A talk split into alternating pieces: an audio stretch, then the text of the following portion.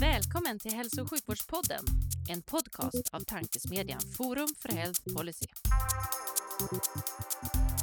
I den här podden möts frågor om hur vi kan få bättre hälsa med frågor om vilken politik som krävs. Det kommer bli samtal om personcentrering, ledarskap, digitalisering, organisation, politik och mycket mer.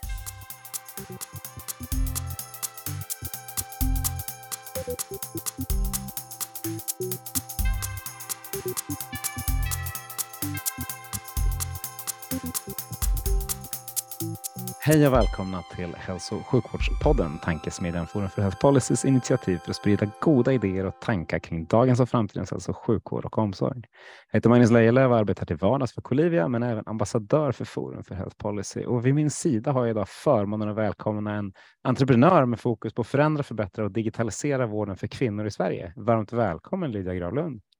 Tack så jättemycket. Graflund är det faktiskt. Ah, det är vanligt att det blir Gravlund. Eh, det är väl ett gammalt synsätt på F tror jag. Ja, men exakt, och jag, skulle, jag satt och gissade och tänkte, vad, ja. det dumma var att jag inte frågade innan, men så är det ibland. Då får man lida för det. Ja, men vet du, jag har fått den så många gånger så att det, mm, det är vanligt. Men Graflund. Ja, Graflund, men då kör vi Graflund istället. Det känns mycket bättre. Mm. Och ni som tror att jag kommer att klippa bort det här, det gör jag inte, för jag står för mina misstag även i podden. hur, hur eh, du Lide, vi, vi kastar oss som vanligt in, eller som vanligt, men för de som lyssnar in i eh, sjukvården och hur det ser ut framåt. Vad tror du? Hur tror du att svensk hälso och sjukvård ser ut 2040? Rakt in på pudelns kärna. I ja, eller pudelns ja. framåtkärna i varje fall. Nej, men precis. Nej, men det är fantastiskt.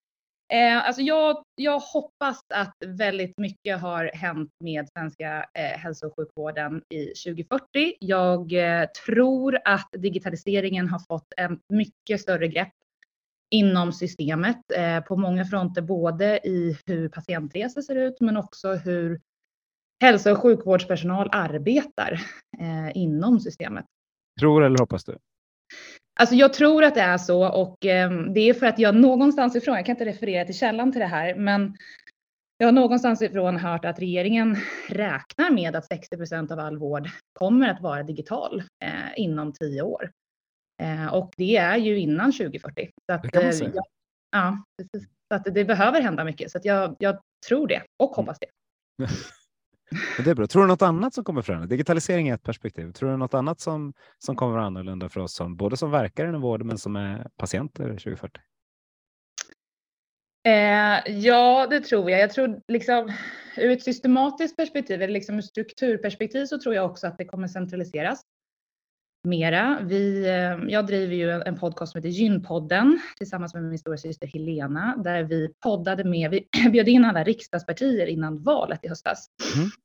Och då med fokus på hälso och sjukvårdsansvarige från respektive parti och fick jättebra gensvar och det var många personer som kom. Alla partier förutom Kristdemokraterna deltog. Och då ställde vi just den frågan, vad, vad, vad tror ni behöver hända med strukturen och systemet inom hälso och sjukvård för att det ska bli bättre. Och framförallt styrningen. Och alla var ju enhälliga om att det behöver centraliseras mer. Att det behöver flyttas Styrning behöver flyttas från de 21 regionerna till regeringen eh, för att man ska kunna komma med tydligare styrmedel och eh, verktyg för att ha en mer jämställd vård och eh, jämställdare utveckling på vården helt enkelt i hela landet. Precis. Då ska man med att du pratar med nationella nivån rätt mycket. Eh, jag tror att svaren kommer att vara annorlunda om du pratar med regionala politiker, men jag, jag håller med. Ström, strömningen är ju att vi, att vi behöver samordna i alla fall väldigt mycket. Sen har vi, vad vi behöver, hur, hur vi centraliserar, det kan, det kan man ju filosofera kring på olika sätt och vis. Ja, precis. Och där hade ju alla väldigt olika inställning till hur det ska gå till, men det var väldigt sam, liksom, det fanns en samsyn på att det fungerar väldigt dåligt idag och det gör det ju. Det är ju väldigt ojämställt ute i landet och det ser vi ju inte minst på kvinnovården som eh, det är otroligt olika för en kvinna uppe i Piteå jämfört med Skåne jämfört med Stockholm hur det ser ut för henne att komma till en gynekolog till exempel. Mm. Eh, och jag tror att eh, det behöver ske en förändring. Sen säger jag liksom inte att man på en central nivå vet hur man bäst utför vården i respektive regioner. För alla olika förutsättningar, det ser väldigt olika ut i landet beroende på var man är. Det är ett väldigt avlångt land. Mm. Eh, men däremot så tror jag att man behöver eh, ha tydligare riktlinjer centralt ifrån. Mm. Bra. Kastar oss in på några av de här, de här tydliga frågorna som alltid kommer upp och som, Mm. som, är, som är viktiga på många sätt. Men du Lydia, jag tänkte vi börjar med dig. Eh, du får berätta lite mer. Vem är du? Det är inte alla som vet om det, så då tänker jag att då är det bra om vi tar det redan från början. Absolut. Jag, jag tror inte att det är så många som lyssnar på den här podden som vet vem jag är. Men jag, jag har inte varit verksam inom, inom vården särskilt länge utan jag är ekonom eh, i bakgrunden. har pluggat fem år på Handelshögskolan här i Stockholm och eh, har därefter jobbat inom e-handel och inom techbranschen. Så jag har jobbat på startupbolag inom regtech-industrin tidigare och sen senast kom jag från en roll på Klarna som då är inom fintech-industrin. Ehm, så att jag kommer ju snarare från ett perspektiv av att försöka effektivisera och förbättra områden eh, och skapa värde för människor genom att använda innovativa och digitala verktyg helt enkelt. Ehm, och det ledde mig in på att börja jobba med SDK och digitalisera kvinnovården som hittills har varit praktiskt taget helt oförändrad skulle jag säga när det kommer till den fronten eh, under en väldigt, väldigt lång tid. Och det här sattes egentligen igång av min storasyster som också är medgrundare eh, som heter Helena Grafen Lagkrantz som är gynekolog och förlossningsläkare på Danderyds sjukhus. Som under pandemin var gravid och behövde ganska snabbt ställa om sin klinik på Danderyd från att vara fysisk till digital. Och det här hade inte skett på det sjukhuset tidigare och hon upptäckte som annars en ganska traditionell regionsläkare att det här är ju helt fantastiskt. Hon var mycket effektivare, kunde hjälpa mycket fler patienter eh, per timme. Kvinnorna behövde inte åka i flera timmar för att komma till sjukhuset, sitta i, i väntrummet och fånga andra typer av sjukdomar som fanns där för att det är så mycket människor som sitter där för att komma in i ett möte i tio minuter och sen liksom åka därifrån. Och många gånger krävdes inte ens en fysisk undersökning. Och sen gick hon på föräldraledighet och så började vi prata om det här. Under den tiden så var jag på Klarna. Eh, och så sa hon att eh, hon, hon är liksom väldigt o, oteknisk, eller hon är väldigt otäckig. Hon, hon, jag kommer inte från den industrin eller inte jobbat med att titta på hur man kan förbättra områden. Liksom, Hon har verkligen jobbat som läkare, alltså riktig, riktig läkare. Eh, och då tänker man väldigt, väldigt olika. Så att vi började prata om kvinnovården och hon berättade det här för mig och det fick mig att tänka så här. Hur kan det här inte finnas? Alltså jag vet ju från ett kvinnors perspektiv hur svårt det är att komma i kontakt med kvinnovården. Hur svårt det är att komma till en gynekolog. Även i Stockholm där det finns eh, mer gynekologer och mer kliniker än i resten av landet så kan det emellanåt vara väldigt långa väntetider och svårt att komma till en gynekolog. Och för att inte tala om i resten av landet så är det på vissa ställen är det två års väntetid och ibland får man ju aldrig komma till gynekolog om man inte tar sig sex timmar till Stockholm till exempel. Mm.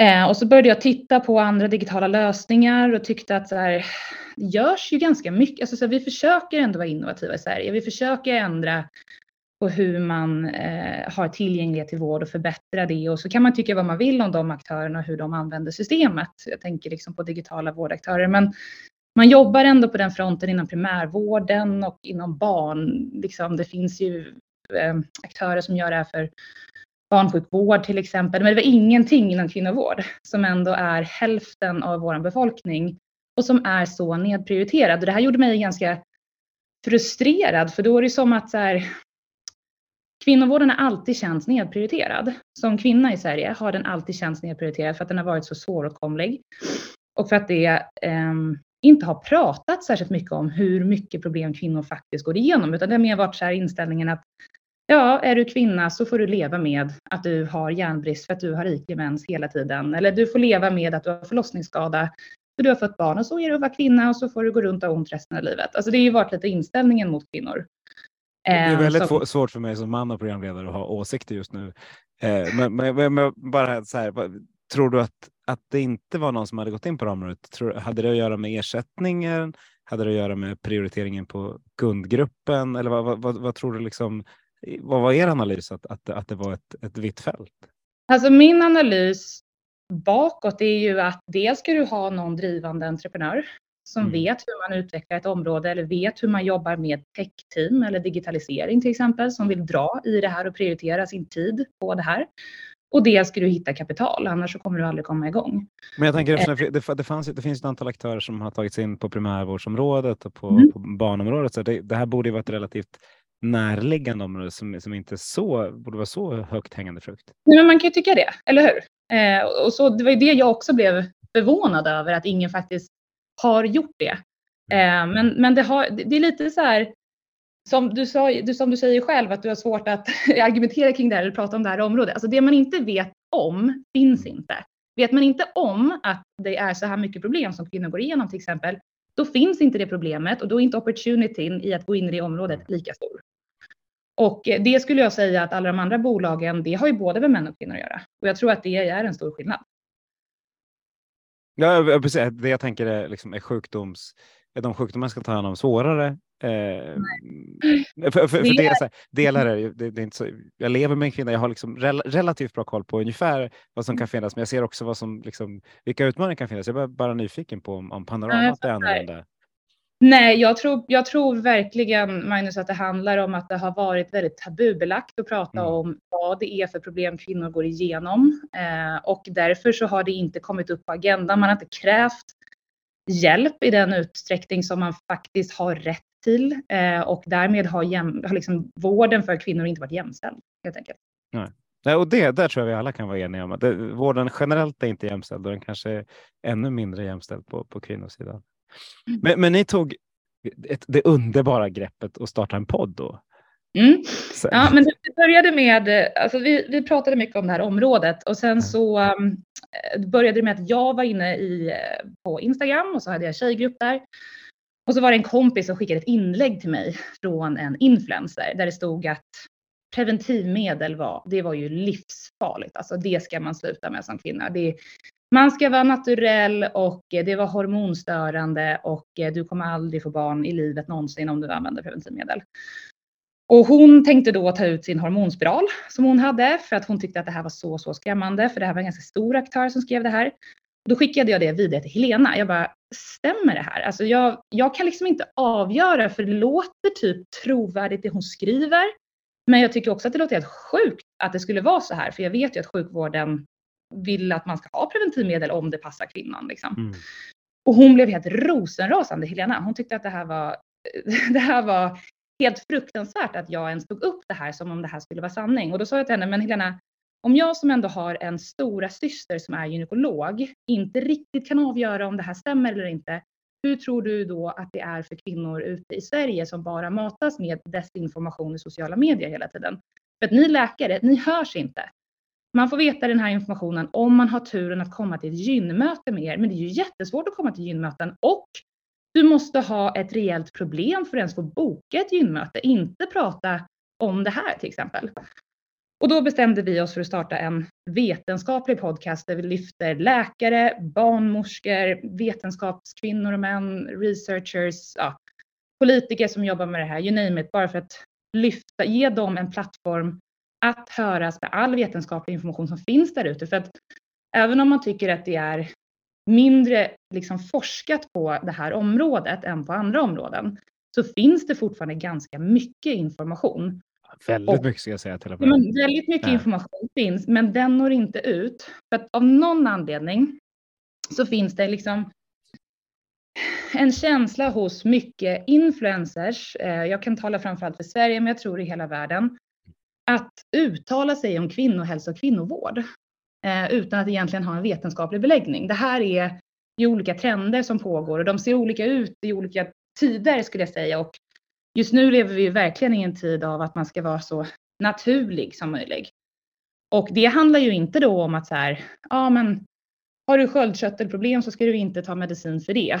Liksom, får du cancer så ska du inte gå igenom en treatment för det, utan det handlar just om kvinnohälsa ofta tycker jag. Att så här, du ska inte använda preventivmedel för du ska vara naturlig och du ska inte eh, använda smärtstillande när du föder barn, för det ska vara naturligt. Alltså inget med det här är naturligt. Vi lever ju inte naturligt som Nej. människor. För då dör du tidigare, du är sjuk oftare, du har ont hela tiden. Alltså, ja. Men, men det känns som att det har likhet med vacciner skulle jag säga. Eh, ja. Vacciner är också ett sådant område som, det, och det är både män och kvinnor för den delen, men, men där, där, där det plötsligt, det, det, man får prata och få, få desinformera lite hur man vill. Ja. Ja. Det finns, när, när WHO tar fram sina största folkhälsohot så är det inte diabetes och cancer, utan nummer ett är antibiotikaresistens. Den är liksom vi alla livrädda för. Nummer två är antivaxxers. Och det är för att det, liksom, det är helt livsfarligt om man börjar prata om saker man inte kan och dessutom får hitta på fritt och får, kan använda de kanalerna som finns. Så jag ja. håller med, jag blir, jag, liksom, jag blir upprörd över att Flashback, familjeliv och influencers får påverka på områden som kvinnohälsa där de liksom absolut inte ska egentligen göra det. Och samtidigt förstår jag fullt ut hur man lyssnar på, sin, på, på, på de som man litar på i många andra frågor. Alltså 100 procent. Och jag fattar också att vissa av de här kontona har ju en psykologisk roll i det här. Mm. Att man vill, du vet, mötas med andra kvinnor på något konto någonstans och få höra att andra har problem med det här. Så jag, jag, det förstår jag och jag förstår värdet i det. Mm. Men när någon som sitter på ett ganska stort konto har bakgrund som content manager eller marketing manager, sitter och skriver att det är farligt med hormonpreparat inom preventivmedel, då, blir, då tycker jag att man ska dra öronen åt sig och eh, inte lyssna på det. För att de här personerna, de gör säkert i all välmening, men när vi tittar på det här materialet utifrån då, inte jag, utifrån när Helena tittar på det som läkare och jag säger så här, men Helena, om vi går ner liksom, vad är det som pågår här? Varför skriver de här kvinnorna på det här sättet och skapar så mycket oro till följd av det?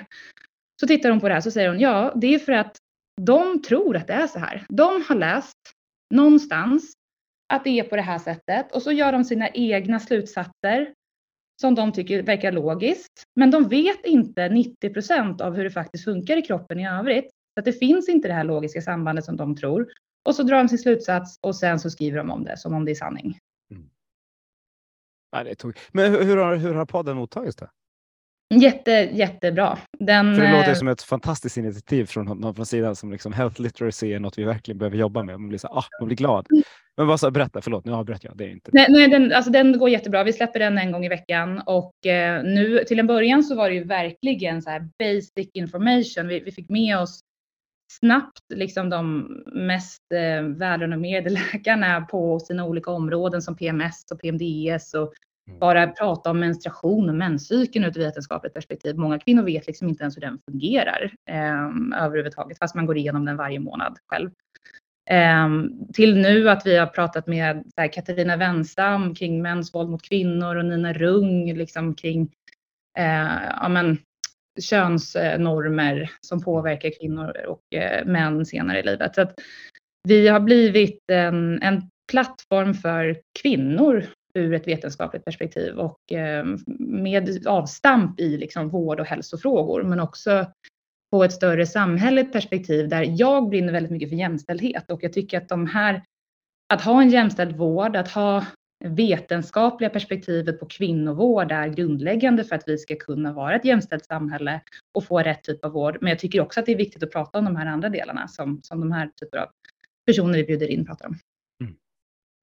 Och hur är det då, för man tittar man på liksom jämlikheten eller ojämlikheten inom svensk hälso och sjukvård så är den ju liksom dramatisk på många sätt och vis. Eh, om du åker tunnelbanelinjen i Stockholm så skiljer det åtta år i medellivslängd eh, om du eh, tar dig från liksom Danderyd eh, och ut på röda linjen. Vad, hur, hur, liksom, hur, hur, angriper ni det jätteprojektet för, för hälften av, av svenska befolkningen? Mm. Alltså det är ju såklart eh, en jätte, jättestor fråga eh, och det vi försöker göra och bidra med är att erbjuda tillgänglighet i hela landet till en kompetens som vi vet hjälper kvinnor i deras livskvalitet. Mm. Eh, det vill säga man kan ladda ner vår app Ester Care och så kan man boka en tid med en gynekolog oavsett vart du bor i landet.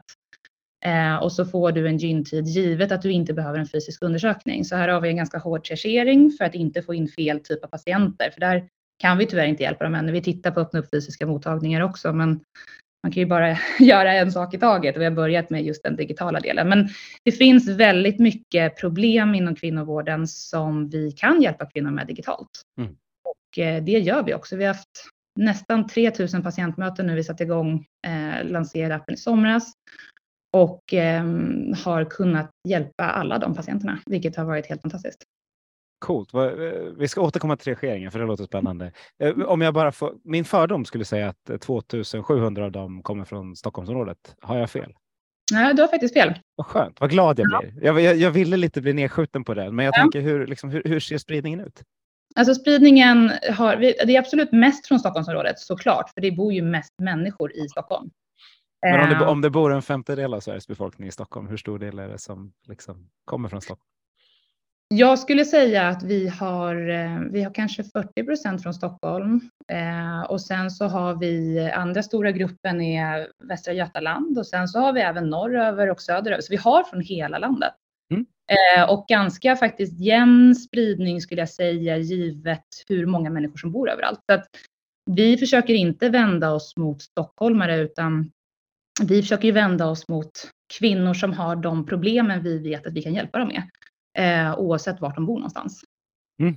Och det är jättebra. Det är precis det som behöver göras. Det var därför jag bara är nyfiken. För det, ibland så blir det de här trenderna så, så hamnar liksom, på tal om den där tunnelbanelinjen, så, så, så, så, ser man på att då, vi, vi, det finns hur mycket coola hälsoappar som helst som, ja. som handlar om, om rörelse och äta ja. rätt. Och de liksom används tyvärr av de som redan äter ganska bra och rör sig ganska bra. Ja, som är medvetna om det. Jag, jag förstår det.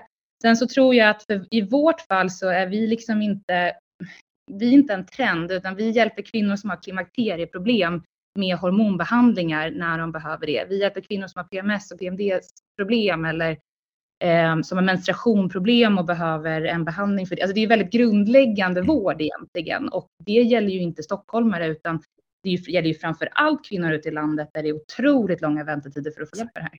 Ja, precis, för egentligen borde det vara tvärtom. Det var mer det, liksom, när, när du började prata och, och pratade om jämlikhet så är det precis så att vi har liksom en högre densitet av gynekologer i Stockholm än vad vi har i övriga landet.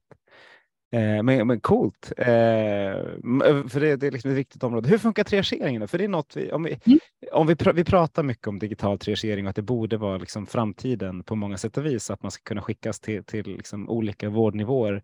Men Exakt. ska jag säga att vi har inte riktigt ett, eh, nått hela vägen, två, lyckats bygga in alla delar i systemet. Så hur, hur, hur går det för er med triageringen?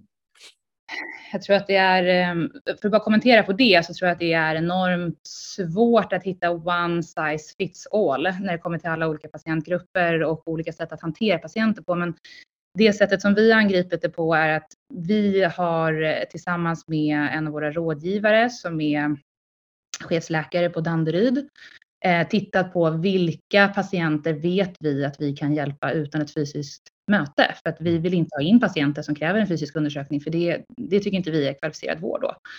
Um, och eh, så har vi gjort det möjligt för kvinnan att bara boka ett möte egentligen om det är X, Y, Z, fast det är många fler områden då som hon behöver hjälp med. Uh, och även i den här triageringen så kan man se då ett exempel är om hon har uh, riklig mens till exempel, ja men då kan hon gå in på det och då kommer hon till nästa fråga. Har det här tillkommit inom sex månader eller har det haft det längre än sex månader? Och det ena svaret leder till att du kan tyvärr inte boka ett möte hos oss för du måste göra en fysisk undersökning, vilket du borde boka ganska snart för det här kan betyda, jag vet inte, men cancer liksom. Eh, men och är det det andra alternativet så vet vi att hon inte behöver göra en fysisk undersökning och då kan vi hjälpa henne till exempel. Så att vi har ju brutit ner det på många nivåer. Liksom. Och hur gör ni då? För det, där, det är ett spännande exempel. Jag gissar på att det inte står så att det här kan betyda att det är cancer. Utan nej, hur, nej. Hur, hur, hanterar För den, den, patienten behöver ju verkligen tas hand om. Ja, precis. Nej, men då, då, då får ju vi, då kommer man liksom in till en länk egentligen till 1177 på, mm. på liksom vårdenheter. Alltså vi kan ju bara hjälpa en viss del. Vi har ju inte löst hela kvinnovården liksom. Um, men däremot så hoppas ju vi att när vi får upp våra egna fysiska kliniker, att vi kommer även kunna ta hand om henne i det perspektivet. Sen så kommer inte vi kunna finnas i hela landet, vilket är ett problem med det fysiska. Mm. Eh, men här försöker vi samarbeta med andra kliniker och skicka, när vi väl har haft patientmöten och man någon gång down the line behöver en fysisk undersökning så skickar vi ju remisser till kliniker som vi samarbetar med och sådär. Um, men men ja, nej, då får, hon, då får hon ju leta reda på en klinik som hon kan komma till. Mm, äh, om, om, du tänker eh, triagering 2040, då, om vi tar tillbaka den här 20, 2040-tanken. Tror du att, eh, att man, om man som patient kan, kan komma in och bli triagerad till liksom, ja, men, er åt ett håll till sjukhuset åt ett håll till ja, men kan det vara apoteket eller Friskis Svettis åt ett annat håll? Tror du vi liksom har kommit dit i, i grundläggande triagering i Sverige? Jag är lite skeptisk nämligen, men jag hoppas. Ja, nej, jag tror inte det. Alltså ska jag vara helt ärlig så tror jag inte det. För att um, det är så otroligt olika tjänster. Uh, att fast, åka fast det är samma patient. Jag vet att det är samma patient, men det är inte så systemet fungerar. Alltså som kvinna och som patient så kan man ju tycka att kan vi inte samordna det här utifrån ett patientperspektiv, men när man börjar jobba med vård och börjar ge sig in i systemet så mm. förstår man att det är inte så enkelt. Ehm, jag hoppas ju att för öppenvårdsgynekologin och de kvinnor som är våra patienter så ska vi kunna hjälpa dem att ta ett liksom effektivt möte hemifrån när det går, ta uppföljningsmöten hemifrån när det går så att hon inte behöver resa från Piteå till Stockholm för att gå på ett gynmöte som skulle kunna skett digitalt istället och att vi kan hjälpa henne fysiskt när det behövs. Eh, sen, så hade, sen vill man ju ha nära dialog med sjukhusen också, men det är ju ett helt annat, ett helt annat system. Ehm, så att man kommer ju inte man kommer ju inte kunna äga det hela vägen så att säga. Man kan ju samarbeta såklart. Mm. Jo, det är ett helt annat system och ändå så när vi pratar så pratar vi patientresor. Vi pratar hur, hur allting ska hänga ihop och att vi ska vara centrerade kring personen eller patienten. Eh, och så är vi ju inte det fullt ut eftersom vi liksom är rätt silofierade i, i mångt och mycket. Med det jag liksom funderar kring. Om du fick rita om då? Om du fick göra om hela systemet utifrån med, med dina kvinnoögon lät ju inte bra, men du har jobbat med liksom eh, kvinnohälsovård här. Hur skulle du vilja rita om systemet om du fick göra det? Dagens lätta fredagsfråga. Nej, den var jättesvår för jag är otroligt ödmjuk inför att jag inte kan alla delar av systemet, utan jag tittar ju på en liten del där ja, vi är och försöker förbättra och jobba med det. Men, men det jag försöker rita om, eller det vi försöker jobba med, det är ju just den digifysiska patientresan för kvinnan på riktigt. Det är ju det vi försöker skapa. Vad, är den, vad har varit den största utmaningen med att komma från sidan och, och försöka ta sig in? Största utmaningen för mig personligen är ju att man inte arbetar på en fri marknad längre, eh, som jag alltid har gjort tidigare. Det, Visst är det bökigt? Det är bökigt, det är, liksom inte, det är inte logiskt, eh, det är inte rationellt. Jag har suttit och slitit mig i håret flera gånger för att jag inte förstår varför man gör på ett visst sätt när man kan göra på ett annat sätt och, och varför springer vi inte ditåt. Eh, men, men det är ju för att man, man jobbar mot staten. Man jobbar mot 21 regioner där alla tänker olika, alla olika förutsättningar, alla olika synsätt, alla olika prioriteringar och så ska man försöka hitta och navigera sin väg framåt i det som aktör och det, det är frustrerande och ett svårt arbete. Men kommer man framåt i det så är det ju otroligt rewarding för att man kan ju också skapa jättemycket värde och nytta. Mm. Ja, men precis, för det, för det ska man ju ha med sig. Att det, finns liksom, det finns ju ett greater good i det att jobba inom den här sektorn också. Som även om ja. det är ologiskt ibland så finns det ju verkligen. Men jag tror, jag tror ingen hade jobbat inom den här sektorn om man inte kände att man gör det här för att man är passionerad kring att göra det bättre för andra människor. Alltså jag tror ingen hade orkat vara inom det här om man inte gjorde det av en annan anledning eh, som mer är, du vet, klättra på en karriär eller tjäna mycket pengar. Alltså det handlar ju om att förändra ett system, förändra eh, förutsättningen för kvinnor att ha ett bättre liv. Det är ju det som driver oss. Mm. Ja, men det är bra. Och det är så kul att ha någon som kommer ut. Vi, är rätt, vi blir rätt nördiga inom den här sektorn. Det är många, liksom många av dem jag har intervjuat och många av, av er som lyssnar är, liksom, är, är sjukvårdsnördar. Eh, och nu kommer du med perspektivet utifrån, även om du håller på att bli sjukvårdsnörd, det hör jag på dig, det är härligt. Eh, men, men, om du hade liksom fått plocka med lite saker från, från Klarna, från ja. den tiden, som du skulle vilja skicka in i svensk hälso och sjukvård för att liksom katalysera igång någonting, vad hade du velat ta med dig då? Jag tror synsättet överlag att man har förändrat en otroligt trögrörlig industri som banksfären som också är hårt regulatorisk eh, som handlar om eh, svåra transaktioner som är, som är jätteavancerade att jobba med tekniskt. Man har faktiskt lyckats bryta mark här, bryta sig in i en marknad där det finns vadå, fem stora aktörer som annars har ägt hela finansbranschen i Sverige tidigare. Ehm, och ehm, utifrån innovativa lösningar skapat otroligt mycket lättare leverne för alla människor. Alltså tänk hur det har varit tidigare när man, det här kommer inte ens jag ihåg, för jag är 31, men när man tidigare var tvungen att gå till ett bankkontor för att ta ut pengar eller sätta över pengar till någon eller man var tvungen att gå till en um, uttagningsautomat för att ta med sig cash för att gå och köpa någonting. Alltså jag går inte till en butik längre.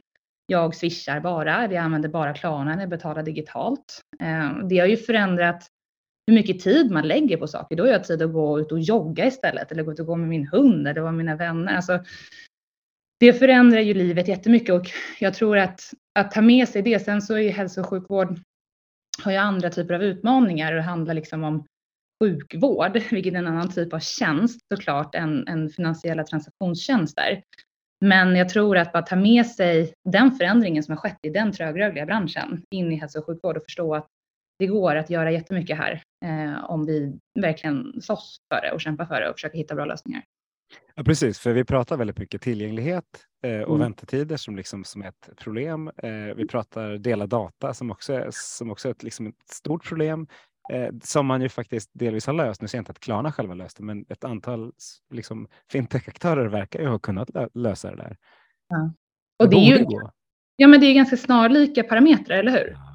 Det är liksom patientdatalagen som gör det svårt att, att dela data mellan system och därför sitter många regioner på olika eh, journalsystem som gör att du inte kan se hur den här patienten hanterats i den här regionen om den kommer till en annan region och söker vård till exempel, vilket skapar jättemycket problem i flöden. Um, och eh, den, den digifysiska patientresan och så här. Så det är ju, det är ju väldigt likna, liknande parametrar. Och journalsystemen i sig, om man tittar på de aktörerna så kan ju de dela data. Det är ju inte problemet. Utan problemet är att vi inte tillåter eller vågar dela data. Eh, jag, pratade med, ja. jag pratade med en aktör som, som jobbar på GMS förra veckan, eh, Genomic Medicine Sweden, där man faktiskt tittar på hur man kan dela data. Mm. Han sa att vi måste våga utmana gråzonerna. Vi måste våga ta oss in i gråzonerna och faktiskt testa mycket mer än vad vi gör idag. Mm. Eh, för, för, allt går inte att göra, men mycket mer än det vi gör idag går att göra, både inom ja. lagrummet och både liksom med de system vi har. Verkligen. Alltså jag kan slå ett slag för, eh, jag vet inte om du har pratat med Heidi Stensmyren som, är, som jobbar på Karolinska sjukhuset och är ansvarig för eh, tema kvinno, kvinnoklinik där. Absolut. Hon, har ju, hon har ju varit inne i den här sfären. Hon är också, skulle jag kalla, nörd inom sjukvårdsområdet på ett positivt hon sätt. Hon är fantastisk och hon har liksom blivit lite av en mentor för oss. Vi höll ja. eh, tillsammans med henne ett riksdagsseminarium i tisdags i, i riksdagen där vi var inne och pratade om tillgänglighet just i kvinnovården. Och eh, hon berättade för mig om ett exempel där hon har alltså försökt, och det här har varit tidigare i tiden, men hon, de har faxar ju fortfarande på sjukhusen. Mm. Det, det här tar Helena upp ofta också, att så här, hon sa det till politikerna, så här, jag, jag, tror inte ni förstår hur vi jobbar på sjukhusen. Alltså det är absurt. Om inte jag får, liksom, kan skriva ut den här, eller om jag inte till exempel kan faxa den här remissen till någon annan, då kan inte den här patienten komma till det sjukhuset, för då har inte den här remissen gått igenom faxen eh, och tagits emot av den här mottagningen och så har inte hon rätt att komma dit som patient till exempel.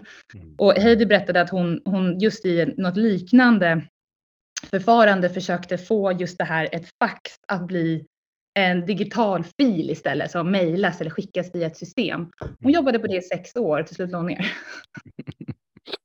ja, nej, den där, det är svårt det där med, med faxen, eh, för alla pratar om den som något negativt, eh, vilket är liksom rimligt. Eh, för det, det, ja, men, om du är 31 så borde du knappt haft en fax hemma eh, när du var liten mm. heller. Mm. för det var liksom, det, det, det rationaliseras bort. Nu låter jag sjukt gammal som den 43-åring jag är, men jag hade ändå en fax hemma. Det hände mycket de där tio åren. Ja, exakt, det hände väldigt mycket de där. Eh, men, men, det är ändå så att det är nu man står på barrikaden och säger nu skrotar vi faxen. Vilket man blir helt nervös av. Ja, att det är det man pratar om. Ja. Att, att det är det man pratar om. Ja. Om, om man är ja, fast det är, men det handlar mycket om, om lagar och säkerhet och, och, hur man ska kunna skicka information och att man fortfarande får hem papperskallelser. Eller för, det är liksom, jämför man med hur, hur ja, men, ta bankväsendet så är ju sjukvården långt efter och samtidigt långt före. Ja, men, och, och jag tror om jag får um, spekulera. Får ja, får jag det? Nej, men om jag får spekulera så är det ju för att det är eh, offentligt styrt. Man, man tar inte, för det jag märkte på, på Heidi, det var att det fanns liksom inte någon som bestämde att man skulle börja skicka det här digitalt. Man skulle fortsätta. Det var ingen som kunde ta det beslutet, eh, för det var så många olika instanser och man visste inte om det här och där. Liksom, jag, jag, tror att det skapar en såklart längre vägar till beslutsfattande helt enkelt. Mm. Absolut. Och hur, hur, nu kommer ni in och försöker, liksom, eller försöker, ni förändrar eh, en del av den. Hur, hur tror ni att ni kommer att kunna påverka liksom, remissflödet på Karolinska med hjälp av, av liksom, det ni kommer in med? För det borde ju katalyseras på ett sätt. Ja, jag tror inte vi kommer påverka det. Jag tror Heidi kommer påverka det och jag tror att liksom Heidi får eh, mer energi förhoppningsvis av att vi kommer in och försöker hjälpa till att ta kvinnovården inom öppenvårdsgyn in i en framtid till exempel. Mm. Eh, och de facto att man faktiskt samarbetar med varandra eh, skapar ju såklart bättre förutsättningar för henne att driva det framåt om, om andra aktörer inom branschen också jobbar med eh, innovativa lösningar. Mm. Ja, absolut. Hur, hur, ser du då om man kommer in med en innovation i svensk hälso och sjukvård? För hur, hur, eh, hur, tycker du att systemet är på att ta upp innovationer? För det, det, för, för det verkar ju ändå som ni har kommit in.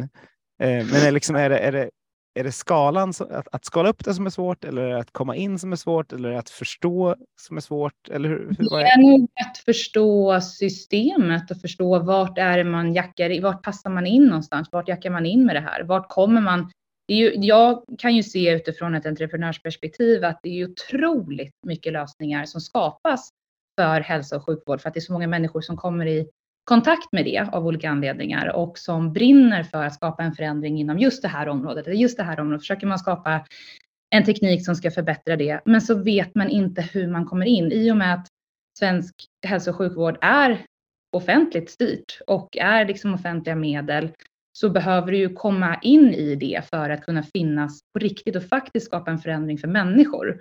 Och där tror jag att det är väldigt otydligt hur man gör det och hur, hur, hur, liksom, hur kan man visa att det här kommer vara positivt för vår samhällsnytta om vi använder det här? Hur, hur gör man? Liksom? Det, det tror jag är den största utmaningen. Ja, precis. Och, och hur får man ersatt för det? För att man, det, när du berättar, beskriver vad ni gör så tror jag att de flesta förstår att men här kan ha, här kan bidra till en sak. Men sen om man, om man är beredd att ersätta eller inte, eller om det ska vara patienten själv som betalar, det är alltid svårt.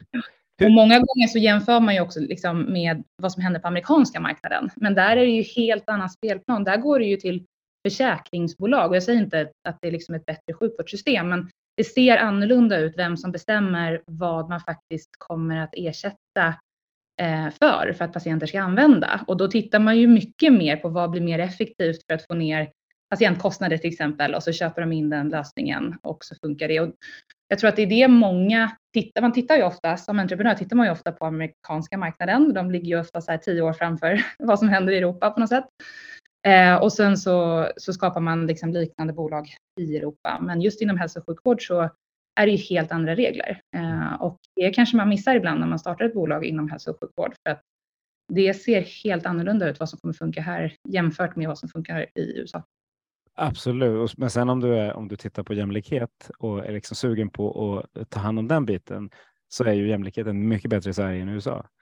Självklart. Ja, men det, det, det, liksom, det, det, systemet Nej, är, är, ju fantastiskt för dem det verkligen mm. funkar för och katastrof. För, så det, ja. finns ju något där också. Nej, men jag lägger liksom inte in någon, någon åsikt i hur de funkar utan pratar mer att utifrån att få in innovativa lösningar i ett system mm. så ser det väldigt olika ut hur man faktiskt gör det beroende på vart du är jämfört med om du hade haft en, jag vet inte, om du sålde byxor liksom, så ser det ju väldigt lika ut annars, reglerna så att säga. Helt sant. Det är helt ja. sant. Ja, det är det där med precis data och så hälso och sjukvård. Det är två bökiga områden som skiljer sig. Mm. Men du, vad, ni tittar på USA sa du och då utifrån entreprenörsperspektivet. Är det några andra länder jag tänker som ni har liksom tittat på och lärt er något av? Eh... Ja, alltså vi tittar på USA just för att de har eh, aktörer som har lyckats lyckats inom kvinnovården skulle jag säga. Eh, och andra länder skulle jag säga, nog kanske Storbritannien ligger ganska mycket i framkant. Eh, och de har ju lite mer liknande hälso och sjukvårdssystem som Sverige mm. än, än har. Eh, absolut. Och har ni tittat något på nordiska länderna i övrigt? Inte för det vi gör. Eh, självklart, liksom Sverige såklart, med, med den digitalisering som sker. Så det lever man ju i varje dag. Eh, I och med att man använder de tjänsterna och man börjar vänja sig vid att kunna tillgå till digitalvård när det kommer till primärvården, men också kunna gå till vårdcentral och sådär. Så det tittar vi såklart på. Men just för kvinnovården så, så finns det inget, eh, inget som vi har kunnat titta på i Norden. Och det är att jag frågar, för vi, vi brukar liksom titta ut, utomlands och så tittar man oftast Eh, väldigt mycket av det som finns i Sverige händer i Norden. Man kan lära sig av varandra och sen så brukar man titta på Nederländerna, Storbritannien och USA. Eh, så det, det är ju liksom intressant att se att det, det, kommer upp lite andra länder eh, här, eller det kommer upp samma fast det är några som saknas. Mm. Men och, och, du kommer från entreprenörssidan och från liksom, men, du hade en, en diger bakgrund inom liksom, något helt annat. Eh, det som jag brukar se från näringslivssidan är att man är mycket bättre på kopior och på att följa upp saker och ting. Vad, vad, vad, har, vad har, du tagit med dig för kopior in i det här? Vad, liksom, vad, vad, följer och mäter ni som, ni som du tror att man kan lära sig av inom hälso och sjukvård? Oj. Uh, jag, jag, tror att alltså, vi, vi är så pass tidigt att uh, jag har inte eh, så jättemycket användning egentligen av det som jag satt med på Klarna till exempel. Att man satt med quarterly reviews och man satt på eh, månadsbasis och tittade exakt hur man performade på olika kopior. Det är klart att jag har med mig det tänket som ekonom. Men, men vi är så pass tidigt att för oss handlar det mer och hela tiden om vad är det för värde vi skapar. Är det här, hjälper det här faktiskt de här kvinnorna? Ja, det gör det. Eh, är det här bra för vår samhälls... Alltså vi är väldigt vi är väldigt eh, fokuserade på vår vision och vad vårt mål med SDK är just nu för att gräva ner oss i exakt hur många möten har vi varje månad. Det är liksom inte riktigt eh, fokus ännu för oss skulle jag säga, utan man behöver hitta vad blir en, en bra lösning. Och jag skulle säga att ett jättestort område för oss är just att hitta hela hela patientresan för kvinnan. För det man inser när man börjar också jobba med digital vård är att man behöver ha det fysiska också man är liksom inte en fulländad vårdaktör om man inte har båda skulle jag säga. Mm. Um, så det tittar vi ju mycket på och hur vi får det att funka på ett väldigt bra sätt och hur vi får det att funka i systemet. Det är det vi tittar på. Mm. Men och mäter ni något om så här patientnöjdhet eller ja, men hur patienterna mår? Så jag tänker, ja. det blir en ledande ja, fråga här, men jag styr inte ja, alla kopior. Nej men, nej, men det, skulle, det är ju en självklarhet såklart. Eh, vi tittar ju alltså på sjukvårdsområdet så tittar vi ju hela tiden på Eh, patientsäkerhet. Eh, vi tittar på hur nöjda de är, hur många vi har kunnat hjälpa, eh, på vilket sätt och ehm, det, det jobbar vi med kontinuerligt. Men det är ju nästan en hygien, eller det är ju en hygienfaktor när man driver ett vårdbolag, att man tittar på det. Det, det måste man ju titta på. Absolut, det är en hygienfaktor, men det är ändå så att när jag som patient vill titta på olika aktörer så är det svårt att jämföra. Mm, ja, det är svår, jo, svårt att veta, alltså, svårt att veta var, var, man, var man får bäst vård. Ja, men det, det, är offentligt. Det är offentligt i App Store kan man säga. Man kan gå in och kolla där eh, och där är vi fem av fem. Så att eh, gå in och läsa hur det är att söka vård och sånt. Ja, men det är bra. Det är precis. Det, det är en, en, eh, klar fördel om man ska jämföra, jämföra er mot någon annan då, att man kan gå in i App Store. Det kan man inte på de andra ställena. Eh, nu ska vi se. Jo, jo, men jag tänkte på, på pandemin måste ju, var, liksom, var ju det som var grogrunden lite för att, för att ni fick fart, tänker jag. Eftersom, lite för att din, din syster då hade hamnade i situationen som gjorde att det blev fart. Men mm. har, har, ni tagit med något annat från, från liksom åren med pandemin, tror du? Ja, eh, tankesättet. Alltså att så mycket kunde förändras väldigt, väldigt snabbt när vi mm. hamnade i en situation där vi faktiskt behövde eh, Eh, vara innovativa och eh, gå lite snabbare in i framtiden än vad vi annars tvingas till. Eh, det tar jag med mig från pandemiåren, att helt plötsligt så ställde vi om. Vi kunde ta fram ett nationellt vaccinationsprogram ehm, eh, eh, som jag tyckte det var jättetydlig information. Man får tycka vad man vill liksom. Jag tyckte det var tydligt när jag skulle gå och ta mina sprutor eh, och vart jag kunde göra det någonstans. Jag fick liksom tydliga intyg och när jag skulle ta nästa Um, också att Danderyds sjukhus då till exempel helt plötsligt började med digital vård och man tillsatte tillfälligt eh, digital ersättning för återbesök inom specialistvården. Man, man, har ju ingen digital ersättning inom specialistvård till exempel, vilket måste förändras för den, den vården måste ju också såklart digitaliseras eh, för att vi ska kunna använda resurser mycket mer effektivt. Eh, så det tar jag med mig från, från pandemiåren. Mm. Ja, men det är bra saker. Du, nu vet jag, du, du har ett ämne jag skulle kunna nörda ner mig men du är också poddare eh, mm. och ska vidare till, till, till, nästa poddinspelning. Så jag tänkte jag skulle låta dig göra det ganska snart. Men först tänkte jag fråga, när du kom, klev in i det här digitala rummet, på tal om saker som förändras sen innan pandemin, att man kan spela in poddar digitalt och alla tycker det är helt okej också.